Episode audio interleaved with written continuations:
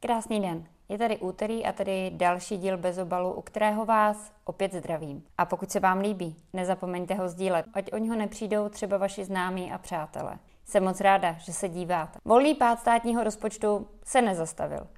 Když jsem minulý týden při pročítání tisku narazila na titulek Schodek láme rekordy, Staňura plánuje rychlé šlápnutí na brzdu, bylo mi jasné, že to nebude příjemné čtení. Stejně jako mi bylo jasné, že ministr financí zareaguje na rekordní schodek tím zřejmě jediným nástrojem, který asociální Fialova vláda disponuje. Sáhne na peníze dalším skupinám obyčejně poctivě pracujících lidí. Letošní schodek státního rozpočtu činí již v květnu přes 270 miliard korun. Vláda se přitom prostě už nemůže neustále dokola vymlouvat na dění ve světě. Letošní schodek je totiž zatím ještě o 16 miliard vyšší než v květnu 2021, kdy vrcholila pandemická krize. S tímto tempem zadlužování míří vláda k celkovému letošnímu schodku okolo 450 miliard, což by bylo ještě o 30 miliard víc než při rekordním deficitu právě covidem nejvíc poznamenaného roku 2021.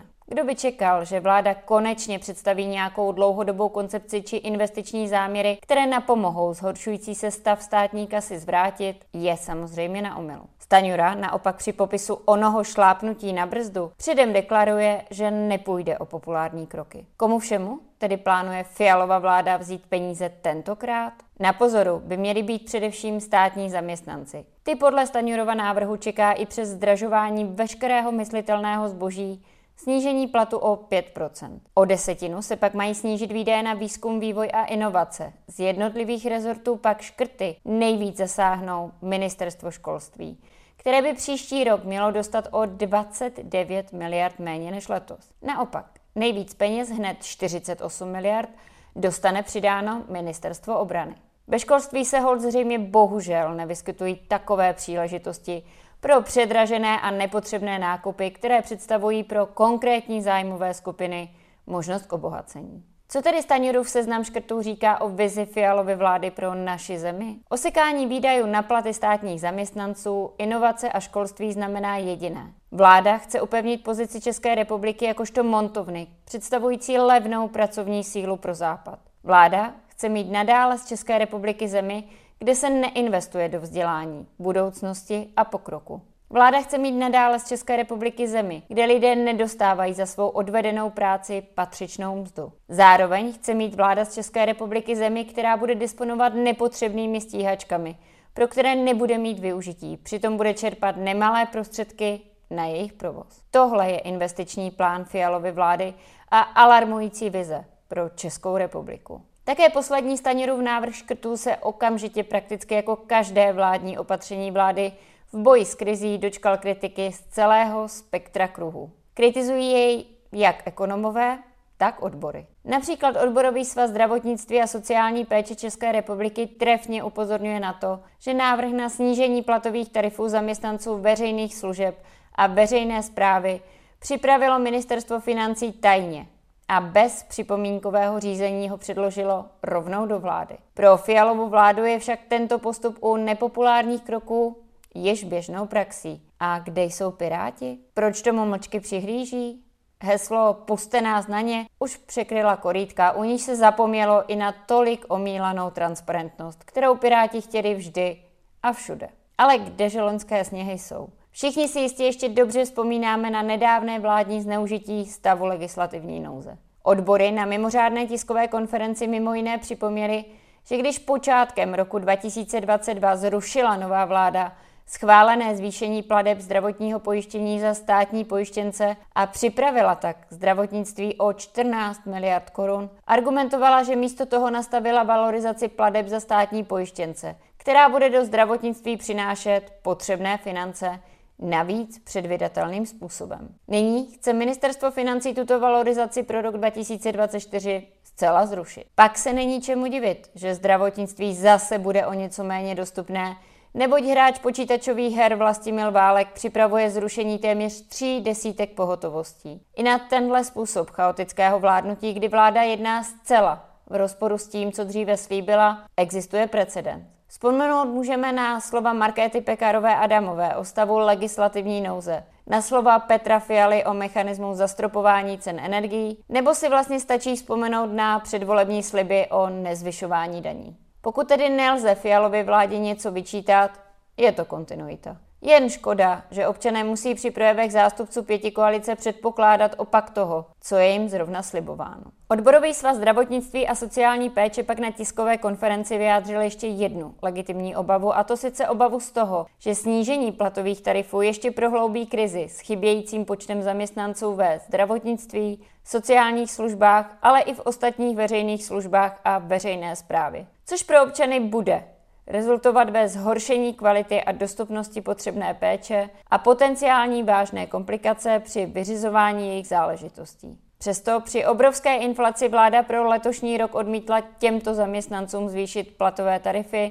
a odměny slíbené místo nich dostali jen někteří. V roce 2024 chce vláda všem těmto zaměstnancům platové tarify o 5% snížit. I tohle je vize ministra Staňury a Fialovy vlády pro naši zemi. Zoufalý postup Fialovy vlády nadále trefně okomentoval například ekonom investiční skupiny CFG Vladimír Pikora. Dle něj vláda zcela rezignovala na to, aby akcelerovala českou ekonomiku. Podle Pikory by se přitom s ryšším růstem mnoho věcí, třeba i vyšší dluh, vyřešilo samo. Přičemž nadále dodává, že u vlády bohužel postrádá jakoukoliv koncepčnost. Vládu Petra Fialy tak připodobňuje k partě hasičů, která nahodile hasí ohniska problémů, ale jen pramálo se stará o to, aby vůbec nehořel. A nebo jinak, aby měla na hašení vůbec vodu. Chtěl bych místo vlády hasičů vládu stavitelů lidí, po kterých něco zůstane, říká Pikora. I přesto vláda v jednom člověku zastání našla. Bohužel pak i přes asociální kroky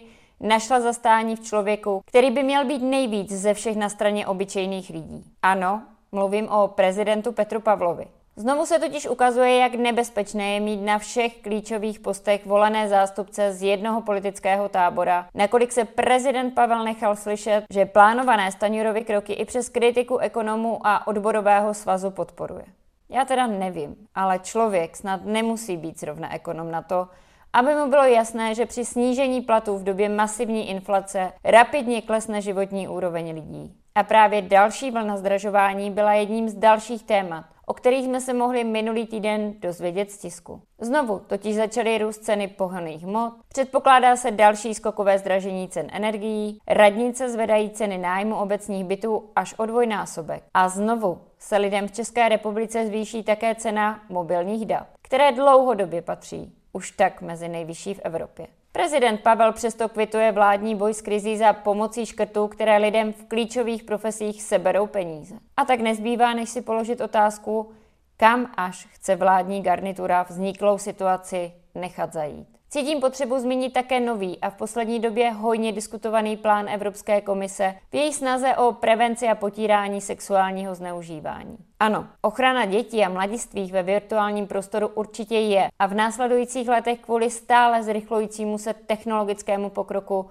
také bude jedním z klíčových politických témat. Prevence by ovšem měla probíhat cestou osvěty, nikoli ve formě zcela zásadních a bezprecedentních zásahů do soukromí každého jedince. Podle nového návrhu Evropské komise by v budoucnu mělo docházet ke kontrole každé soukromé zprávy na sociálních sítích, každé SMSky a k odposlouchávání každého uskutečněného hovoru. Služby jako Gmail nebo WhatsApp by podle představovaného návrhu musely implementovat nástroje, které by automaticky skenovaly soukromé maily a zprávy a vyhledávaly by potenciálně závadný obsah. Kromě toho, že by šlo o radikální zásah do práva na soukromí, takto získaná citlivá data by mohly být také velmi snadno zneužitelná. A toto zneužití by mohlo vést až k pronásledování lidí kvůli jejich nepohodlným názorům. Již nyní přitom podle nedávných dat Sanepu má více než polovina Čechů strach z toho otevřeně vyjádřit své názory. Vážně se chceme dostat do situace, kdy se budeme bát je sdělit své rodině a přátelům přes textové zprávy,